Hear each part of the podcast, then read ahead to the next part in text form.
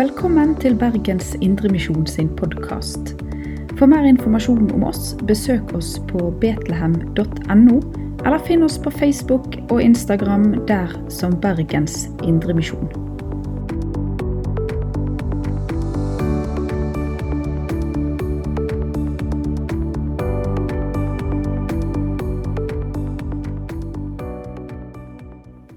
Kjekt å se dere. Alltid spennende. vi, hvor mange kommer. Så har han sittet hjemme og forberedt seg, og så har jeg laget en liten oversikt over slik at det kan være litt lettere å, å følge med i progresjonen. Og så er det alltid anbefalelsesverdig å ha en bibel og teksten også foran seg. For jeg kommer til å gå ganske nøye gjennom den, eh, men kommer også da til å sitere det som står. Og så er det en del bibeltilvisninger som jeg har i det som dere også har fått utlevert, som ikke får tid til å lese, men de som vil sette seg enda mer inn i den, kan jo også da lese det hjemme. Som det sies, bergprekenen er en av de aller mest kjente taler som Jesus holder, og som vi da kanskje minnes. Og Den kom jo da helt i begynnelsen av Matteusevangeliet. Og Matteusevangeliet er kjent for at eh, det har flere taler av Jesus, men dette er altså den første. Og den, den er i, i, begynnelsen av Matteusevangeliet, og den er i begynnelsen av Jesu offentlige virke.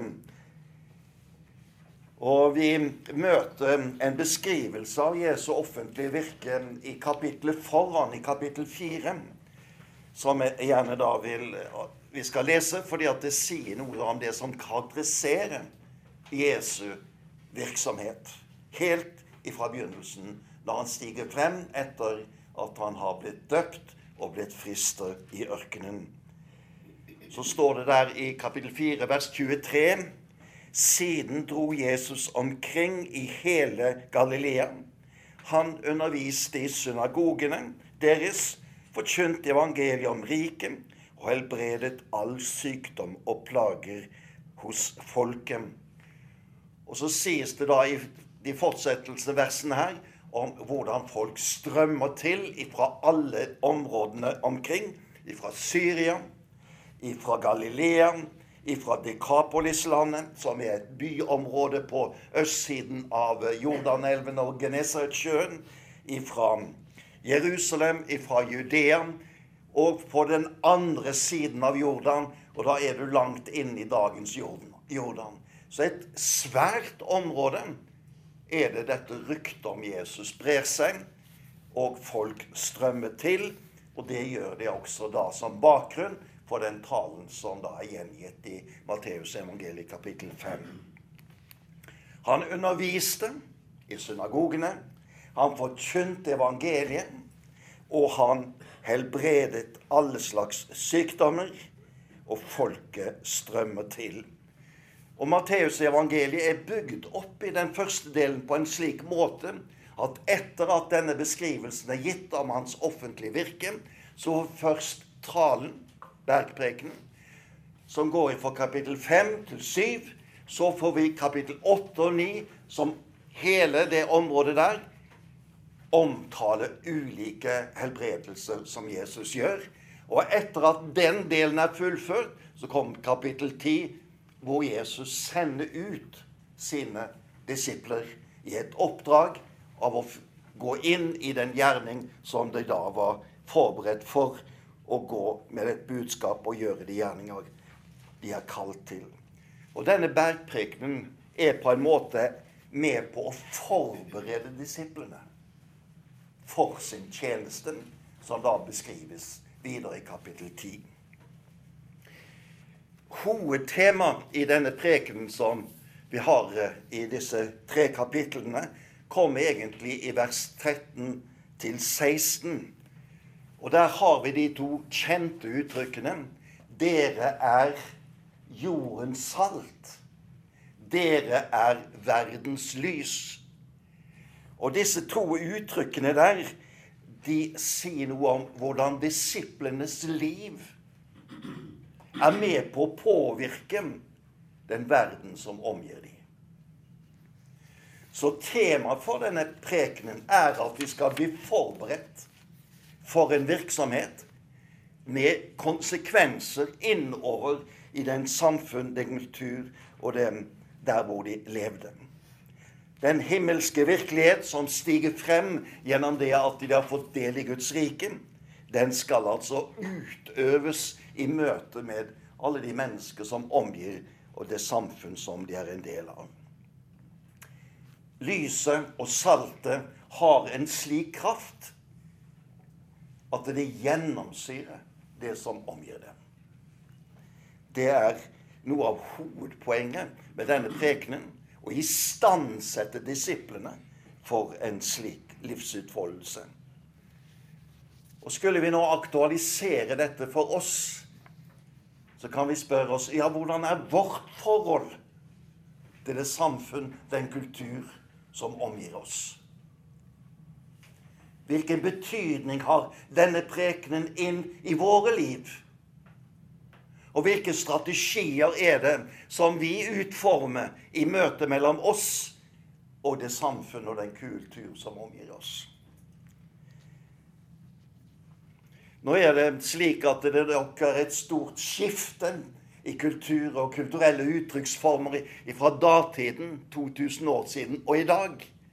Men disse skiftene i uttrykksformer er egentlig bare sånn ut ut, utvendig side av livet.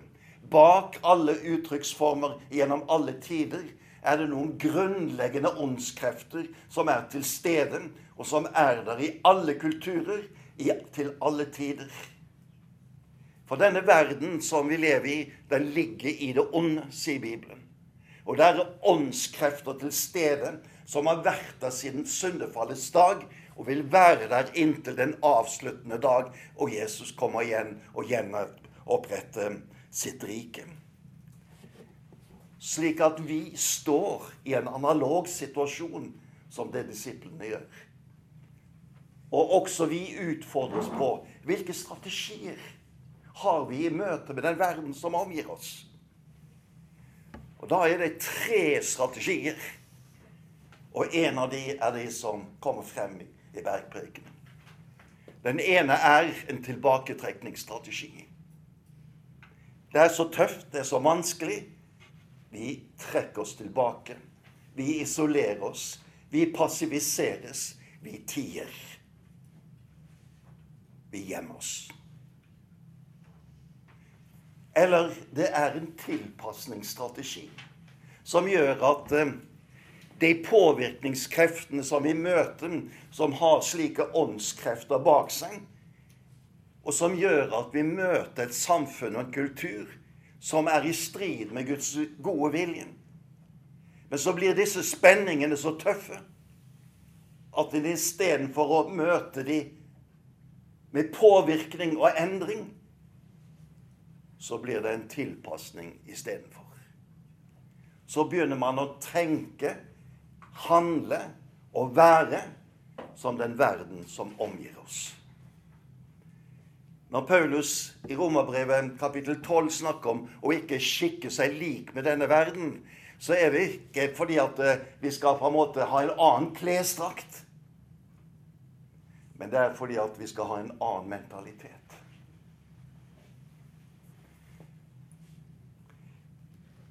Derfor er det at bergprekenen løfte oss inn i en annen mentalitet som tar utgangspunkt i at den som lever i Guds rike, har fått del i denne Guds virkelighet i vår egen tid. Den kommer til å påvirke de omgivelsene som omgir oss, gjennom det vi er, gjennom det vi gjør. Det uttrykk som kommer frem i våre liv.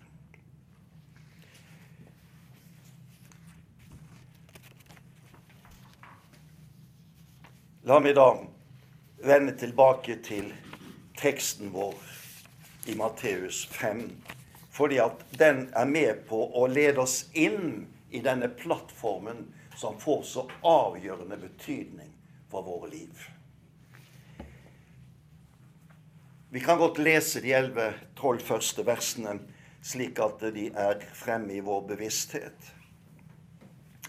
Da Jesus så folkemengden, gikk han opp i fjellet. Der satte han seg, og disiplene samlet seg om ham. Han tok til orde og lærte dem. Salig er de som er fattige i ånden, for himmelriket er deres. Salig er de som sørger, for de skal trøstes. Salig er de ydmyke, for de skal arve jorden.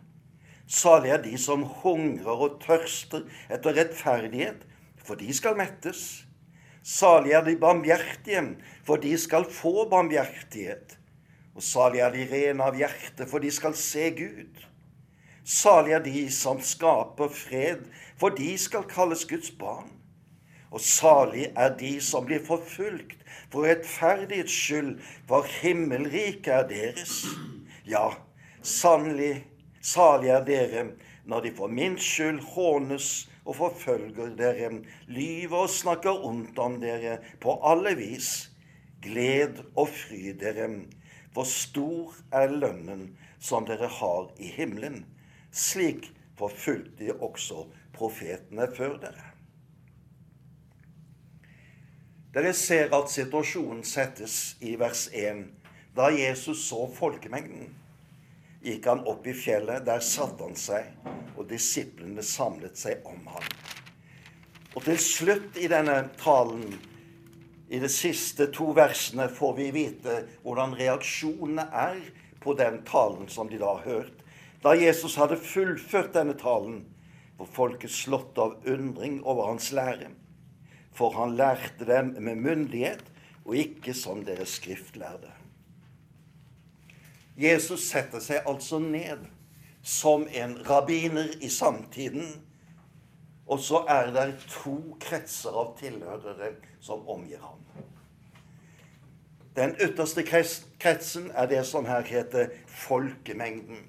Det er de som har strømmet til fra områdene omkring, og langt, fra, langt bortifra har de kommet til ham. De sitter der og er ytterkretsen i denne tilhørerskaren. I utgangspunktet er de ikke fiendtlig innstilt til Jesus. For de har nettopp kommet der fordi at de har blitt fascinert av det de har hørt, og det de har sett.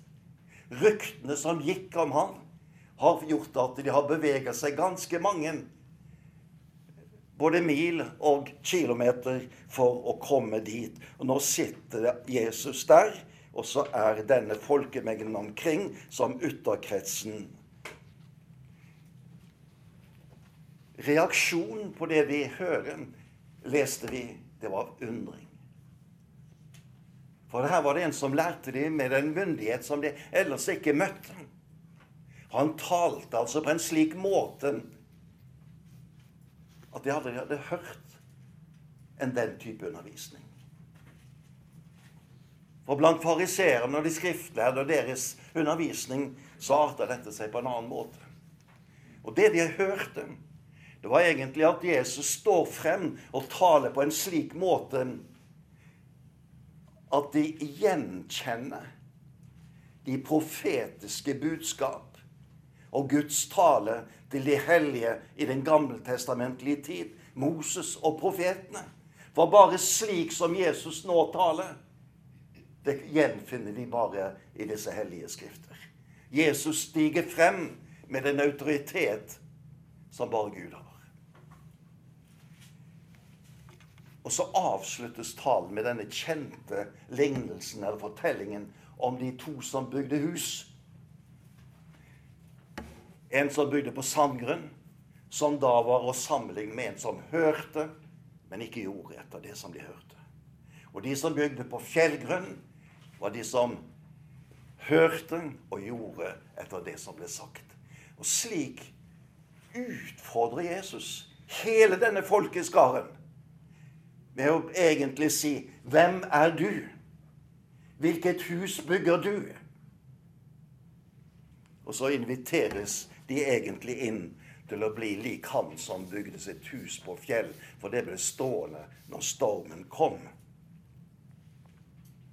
Vi vet ikke hvor mange som lytter seg frem til frelse og til disippelskap. Men sannsynligvis var det ganske mange også disse i den ytre kretsen som fulgte denne utfordringen som de da fikk. Men i den indre kretsen sitter disiplene. De som han har utvalgt, som står han nærmest. Og der en, de som er den ytre kretsen, inviteres egentlig til å komme inn i den indre kretsen. For å få del i det som han vil gi dem. Og denne talen til den indre krets, den løfter frem inngangsporten til Guds rike. Salige er de fattige i ånden, for himmelriket er deres.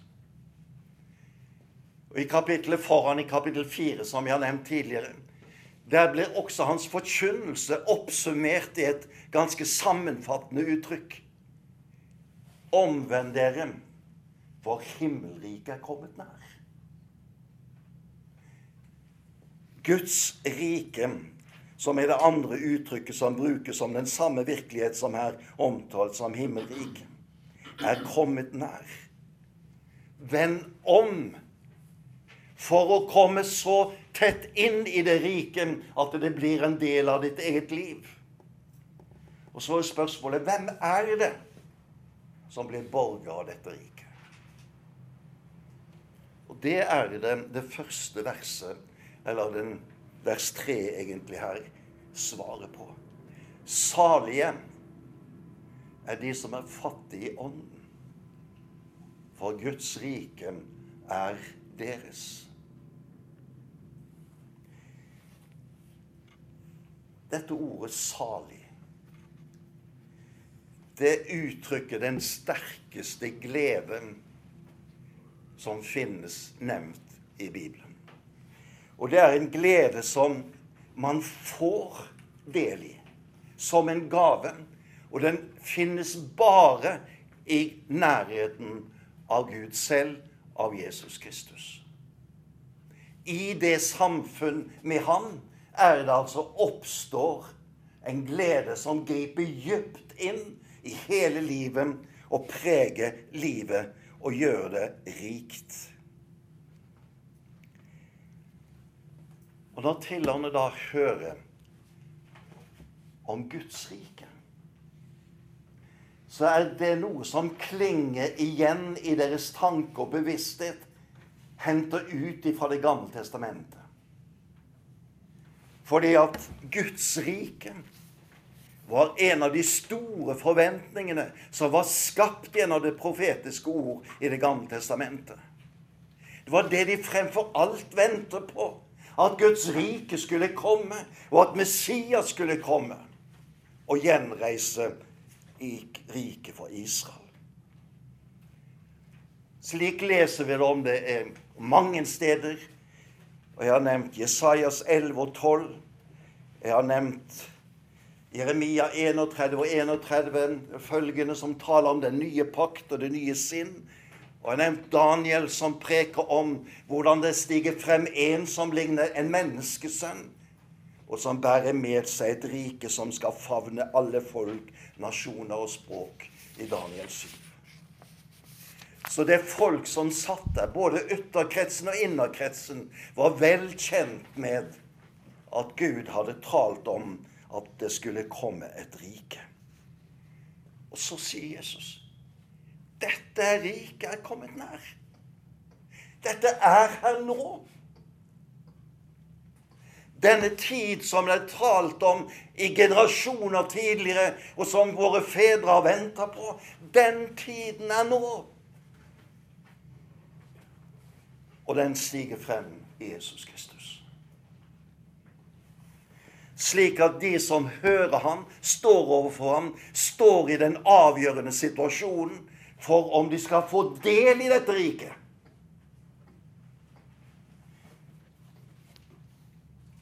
Så sier Jesus, ja, hvem er det som får del? Salige er de fattige i ånden. For himmelriket er deres. Hva er det Jesus taler om? det er et uttrykk for den omvendelse som han nevner tidligere. Og Denne omvendelsen har med sinn og tanke å gjøre. Og Når han sier det, bruker dette uttrykket 'fattig i ånden', så betyr det ikke at de var eh, fattige på kunnskap og intellekt og alt det som ligger i dette. Men det er tale om en fattigdom som oppstår i møte med Jesus, og som gjør at de avkles på en slik måte at de erkjenner at jeg eier ikke åndskrefter slik at jeg kan få del i dette riket. Alle min kunnskap, alle min erfaring, alle mine evner, alle min tid, alle mine krefter I alt det som jeg eier, er der ikke krefter, åndskrefter, til å bringe meg inn i Guds rike. Omvend dere. Omvendelsen har med å snu om, slik at det blir en ny retning. Og et annet uttrykk som brukes når en omvendelse nevnes i Bibelen, det er å få et annet sinn. En mentalitetsforvandling. For denne omvendelsen er en åpning for å ta imot det riket som Jesus vil gi.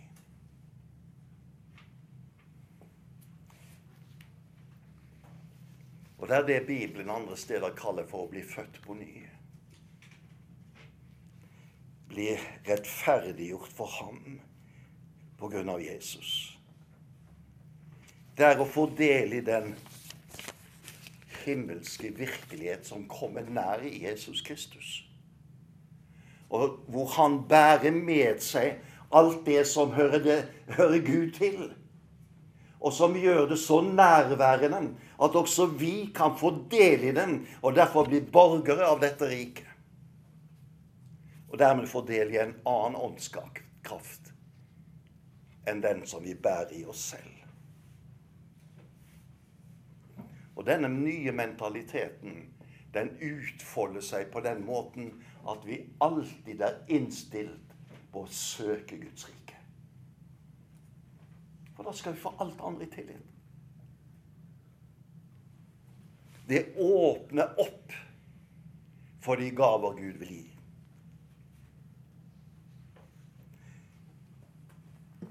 Og Så sier altså da Jesus at dette riket det er deres.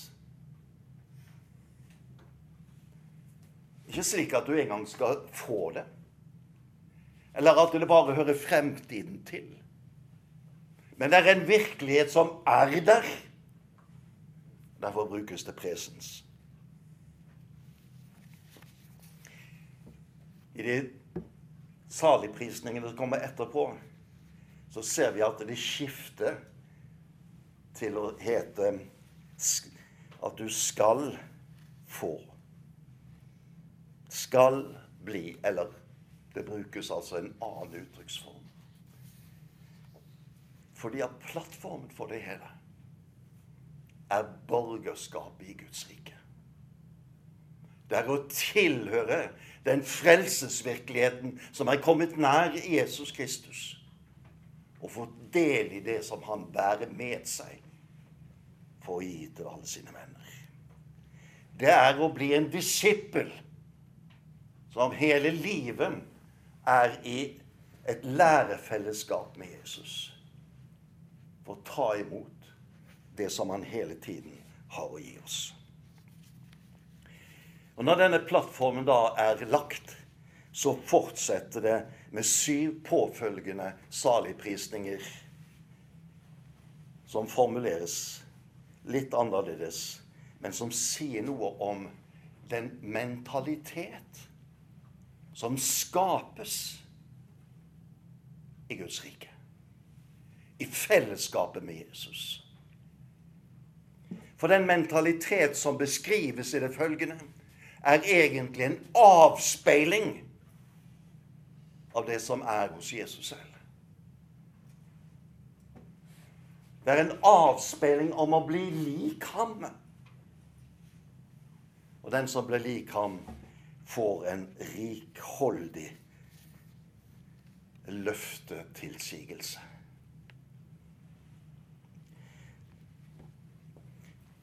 De følgende saligprisningene er forholdsvis generelle i sine uttrykksformer.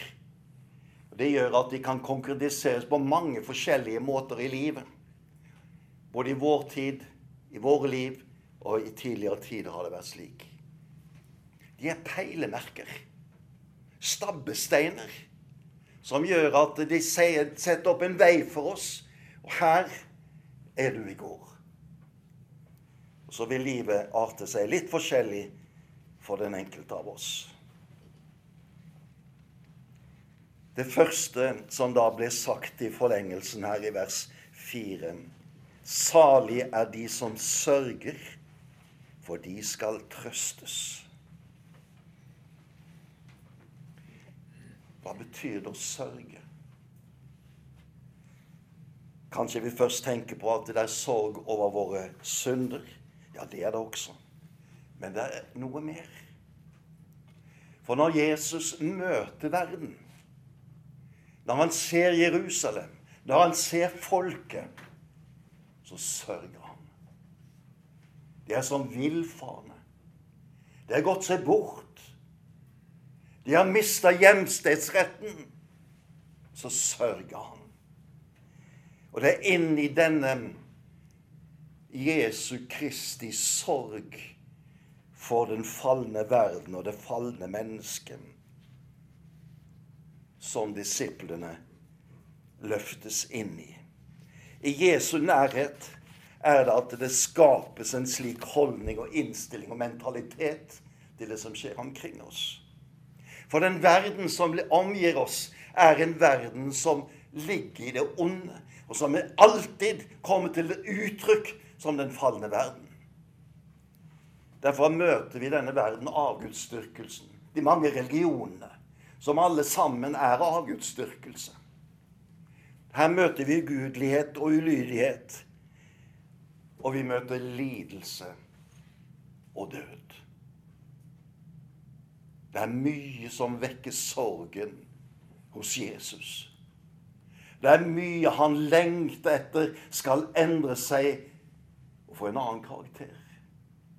Og inn i dette Jesus sørgende hjerte er det altså at vi også som hans disipler løftes inn for å kjenne hvordan hans hjerte banker.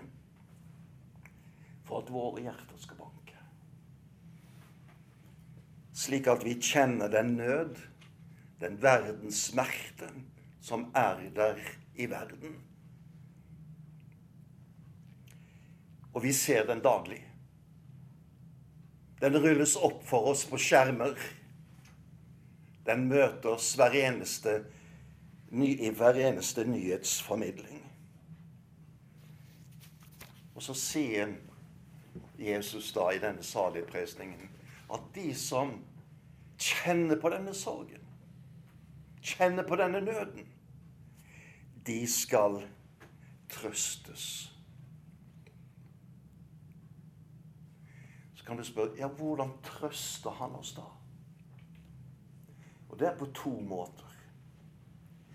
På den ene måten ved det at han kaller oss inn til å rekke ut våre hender mot de som lider, de som er i smerte, de som er fremmede for ham.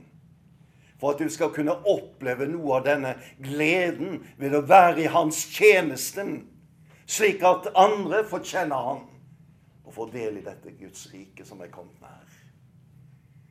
Og det andre er at denne trøsten som i dette livet bare blir delvis, den skal en dag bli helt utilfredsstilt, slik at vårt liv fylles med det som er fullendelsens rikdom. Hvor det i åpenbaringsboken sies han skal tørke bort hver tåre fra våre øyne. Og døden skal ikke være med, heller ikke sorg eller skrik eller smerte. For det som en gang var, er borte. da er det at vi mettes fullt ut. Og denne, dette løftet det ligger over våre liv når vi er borgere av Guds rike.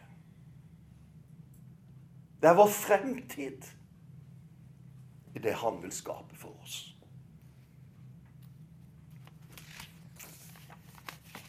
Så fortsetter Jesus. Salige er de som hungrer og tørster etter rettferdighet. For de skal mettes. Ja, nå hoppet jeg over et uttrykk.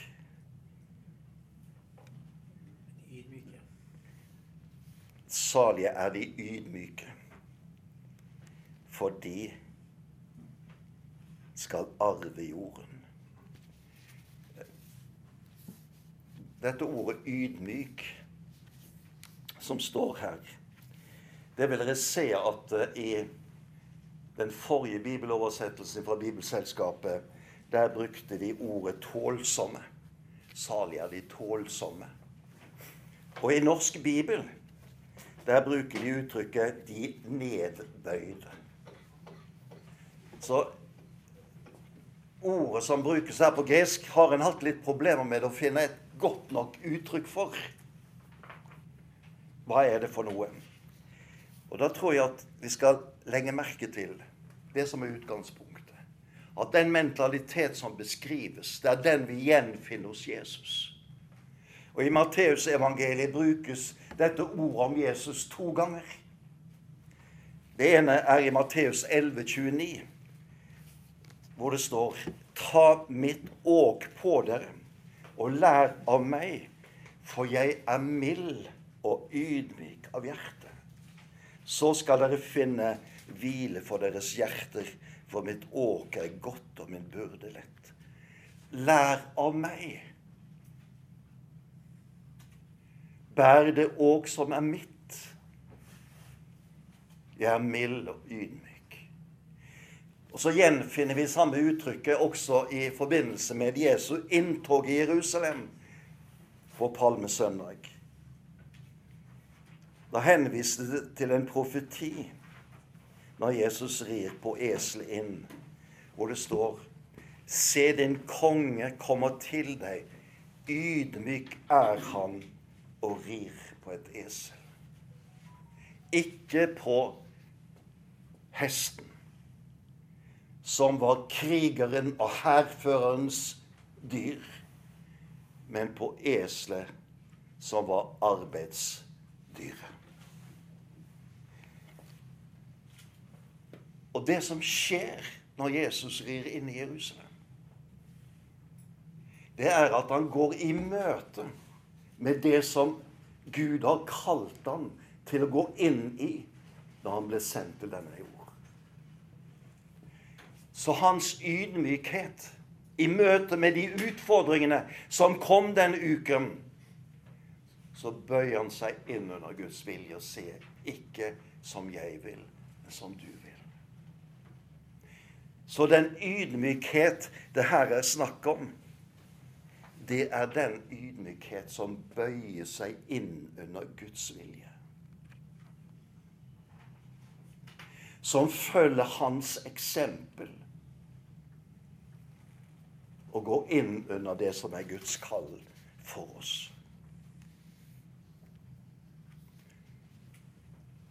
Og den som er ydmyk, han får da et løfte. De skal arve jorden. Det å få del i en arv, det finner sted etter dødsfall. Og den arv vi får del i, finner sted etter Jesu død. Og den arv som vi får del i, den er uttrykt med dette uttrykket himmelriket, Guds rike som er allerede til stede, men som en dag skal bryte inn i makt og herlighet, og som skal gjenskape hele skaperverket. Det er et løfte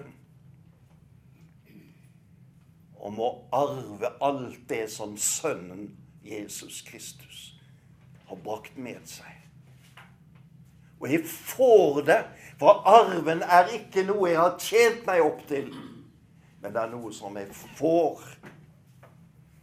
For det er en som har dødd. Og jeg får alt dette av Jesus.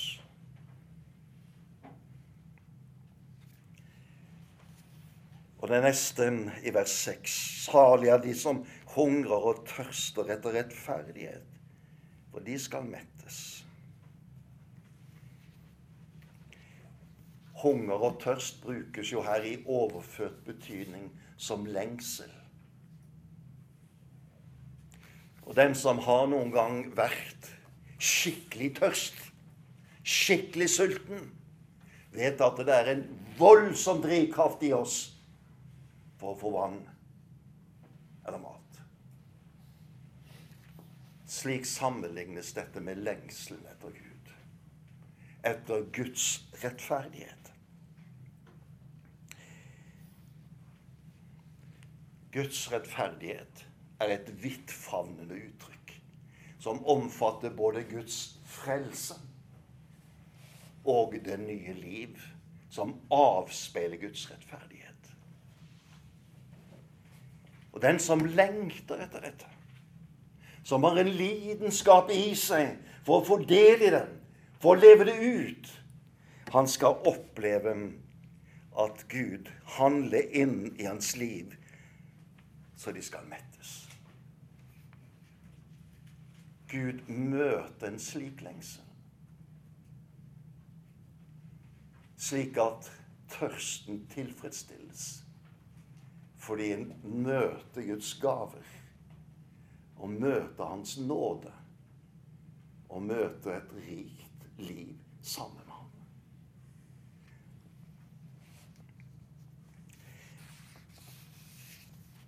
Salige er de barmhjertige, for de skal få barmhjertighet. Barmhjertighet er en mentalitet som stiger inn i nød og vanskeligheter og viser omsorg, nærhet, med den som er i nød. Barmhjertighet slår ut i medkjensle, men også i ord som gir trøst. Det avspeiler omsorg Og det uttrykker handling. Og når Bibelen omtaler barmhjertighet, så griper den igjen tilbake til Guds egen handling. Som Paulus gjør i Efeserbrevet kapittel 2 vers 4 og det følgende. Men Gud er rik på barmhjertighet. Hvorfor? fordi han elsket oss med så stor en kjærlighet. Gjorde han oss levende med Kristus. Vi som var døde på grunn av våre misgjerninger. Guds barmhjertighet viser seg i en enestående omsorg og kjærlighet til oss som falne mennesker, for å bringe oss inn i Hans frelse.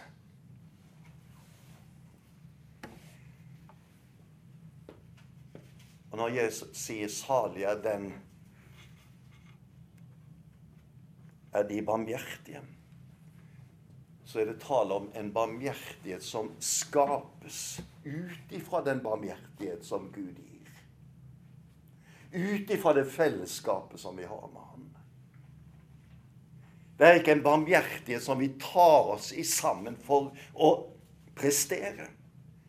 Men det er en mentalitet som skapes ved Guds ord, ved Åndens gjerning. Og som Paulus i Romerbrevet kapittel 5 vers 5 sier at Guds kjærlighet er utøst i våre hjerter ved Guds ånd. Det er et nærvær av denne Guds kjærlighet i våre liv som skaper og omskaper og som gjør at vi får gå inn i en tjeneste prega av denne barmhjertighet. Derfor er det også Johannes sier i sitt første brev vi elsker fordi han elsket oss først. Det er berøringen med denne kjærlighet som skaper barmhjertighet i våre egne hjerter.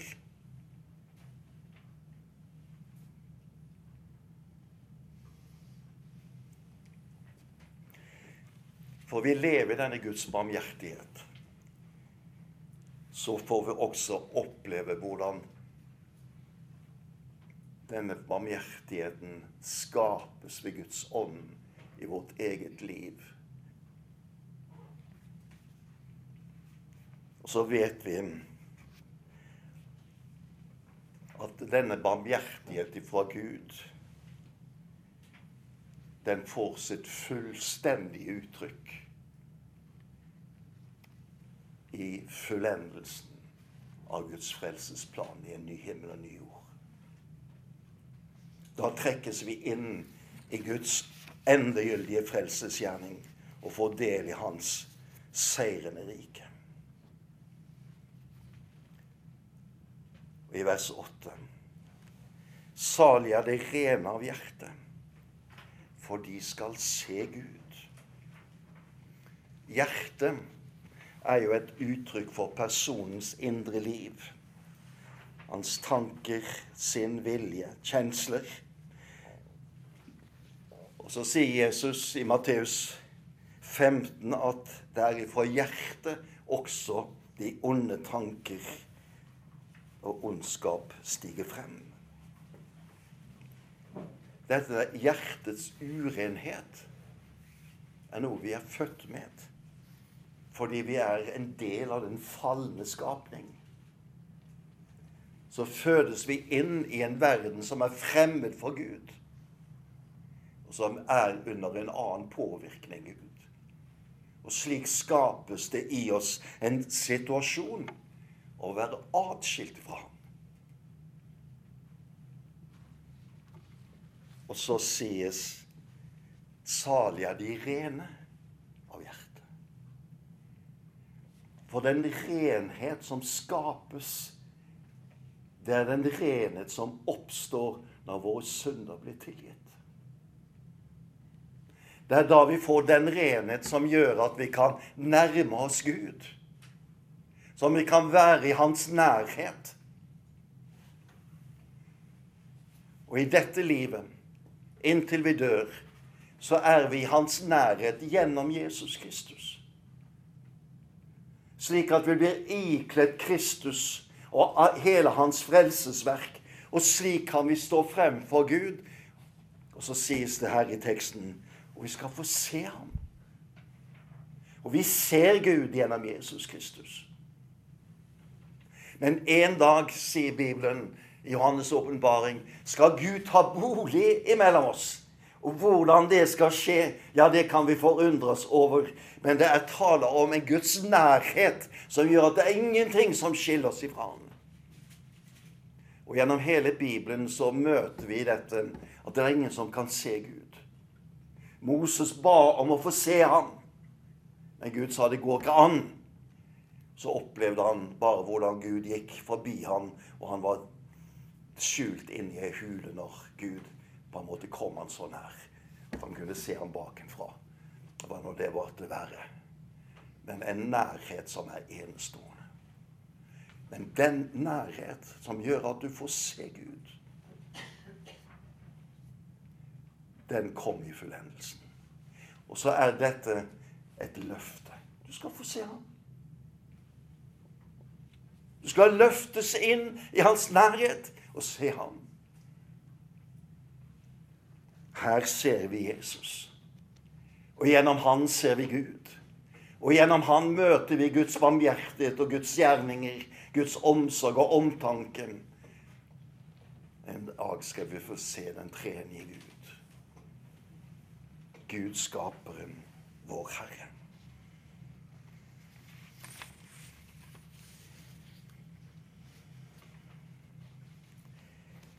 Så fortsetter de. Salige er de som skaper fred, for de skal kalles Guds barn.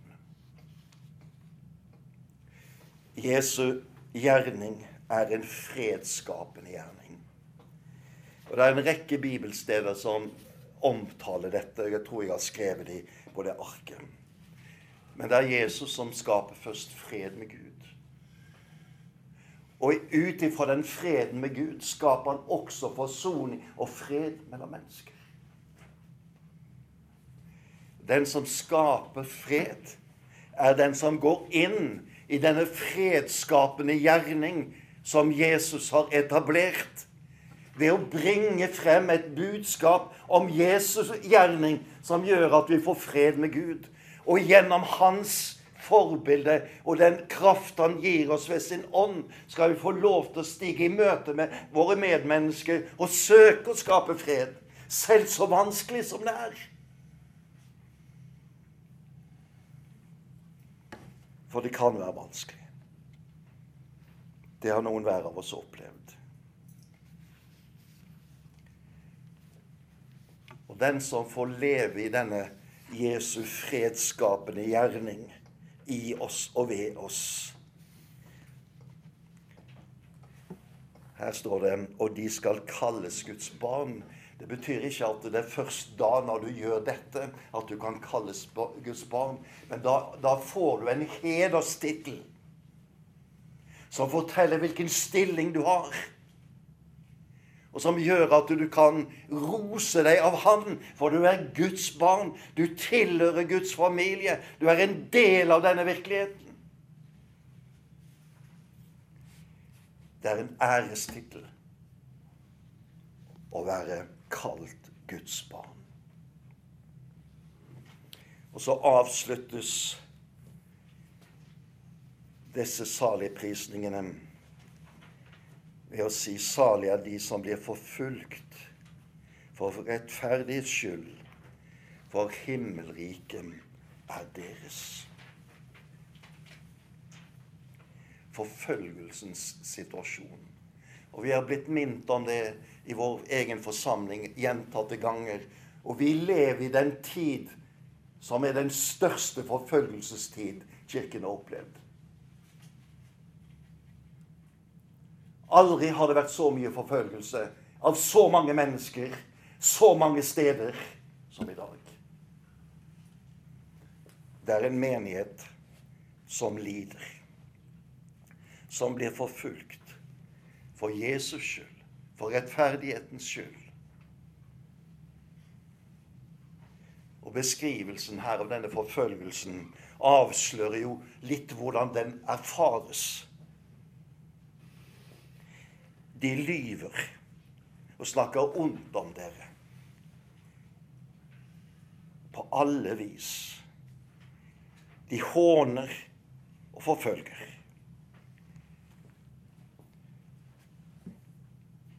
Slik oppleves det for mange i dag. Falske anklager, mistenkeliggjøring, som resulterer i at en mobb kan reise seg, brenne ned hus, drepe for fotet på noen rykter. Og myndigheten står og ser på. Slik finnes det haugevis med eksempler utover i vår verden. Så kan de oppleve det at mistenkeliggjøring, hån, den type forfølgelse, som er jo da mild i forhold til den som sitter som, som setter livet til. Men det er kostbart også å oppleve at ens navn og rykte faller i grus? Kan de sette frem nok mistenkelighet om oss? Og du skal legge merke til at i det samfunnet vi lever i i dag, brukes dette som virkemiddel. Vi anklages for å drive med en type kontroll, sosial kontroll. Vi anklages for å krenke. Vi anklages for å være ufine. Vi anklages for å ikke være kjærlige. Alt fordi at vi løfter frem Guds ord, som taler inn i menneskers liv med sikte på at de skal tas ut av den onde skap og den synd og den virkelighet som fører de bort inn til Jesus. Til hans frelse og kjærlighet. Mange opplever at de våger ikke å snakke i dag.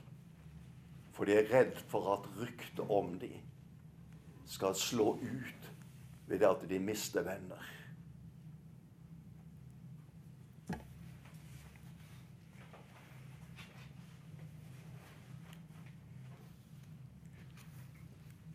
Denne siste saligprisningen ser du også er utvida med to vers.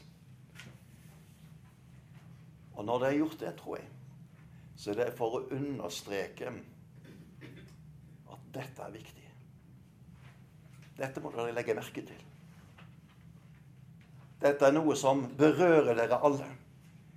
Og Jesus jo, kom jo selv i den avskjedstalen som han har ved sine disipler gjengitt i, i Johannes evangelium. Der kom han til å si til dem slik de har forfulgt meg, kommer til å forfølge dere. Det å leve i denne verden som lever er i det onde, vil alltid føre dette med seg. Det får ulike utslag, men det er en del av den virkelighet vi lever innenfor. Og så får de da en trøst. Se hvordan denne trøsten da er, er formulert her i disse versene. Og Det første som da Jesus sier, himmelriket er deres. Det skal ikke være tvil om at den som lider for Jesus skyld, at han er utenfor Guds rike. Det er deres. Denne Guds virkelighet er til stede. Alle de løfter som ligger i dette riket, er dine. Det skal den forfulgte kunne si til seg sjøl. Så føyes det til merkelige ord. Gled og fry dere. Og vi møter denne situasjonen blant apostlene og gjengitt da i apostlens gjerninger, hvor de har da vært til nytt forhør, og hvor de kommer ut ifra dette forhøret glade for de var funnet verdige for å lide for hans navns. Det er en paradoksal situasjon. Men det er for dem et tegn på at jeg er i Guds barn. Jeg er i den situasjonen Jesus var i. Og hans løfter omfavner mitt liv i den situasjonen jeg er i. Og så sies det her Din lønn i himmelen er stor. Så er det som om Jesus løft, sier 'løft blikket'. Se utover situasjonen. Se hen imot fullendelsen. Se hen imot det som venter deg. Om døden rammer deg, så er det noe bak død og grav som er så mye større. Og hele Johannes' åpenbaring er en trøstebok til de forfulgte. Som ender ut i beskrivelsen av en ny himmel og en ny jord. Hvor han tørker tårene. Hvor han trøster. Hvor det ikke er lenger noen død og smerte. Og så sier han én ting til. Husk profetene før dere er også blitt forfulgt. Han kunne si senere Husk, de forfulgte meg også.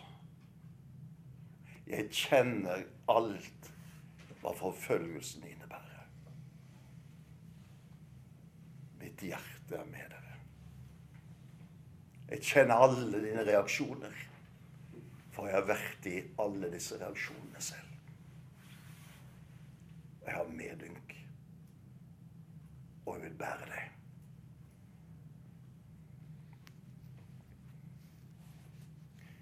Ni saligprisninger.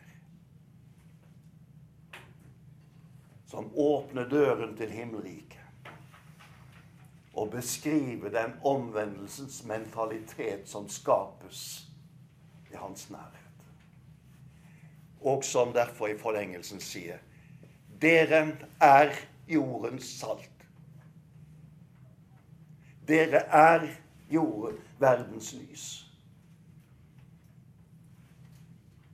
Dere er den som i dag kan virke inn på det samfunn og den kultur og de mennesker som omgir deg. Som saltet virker inn på det som omgir deg. Som lyset sprenger mørket i et rom.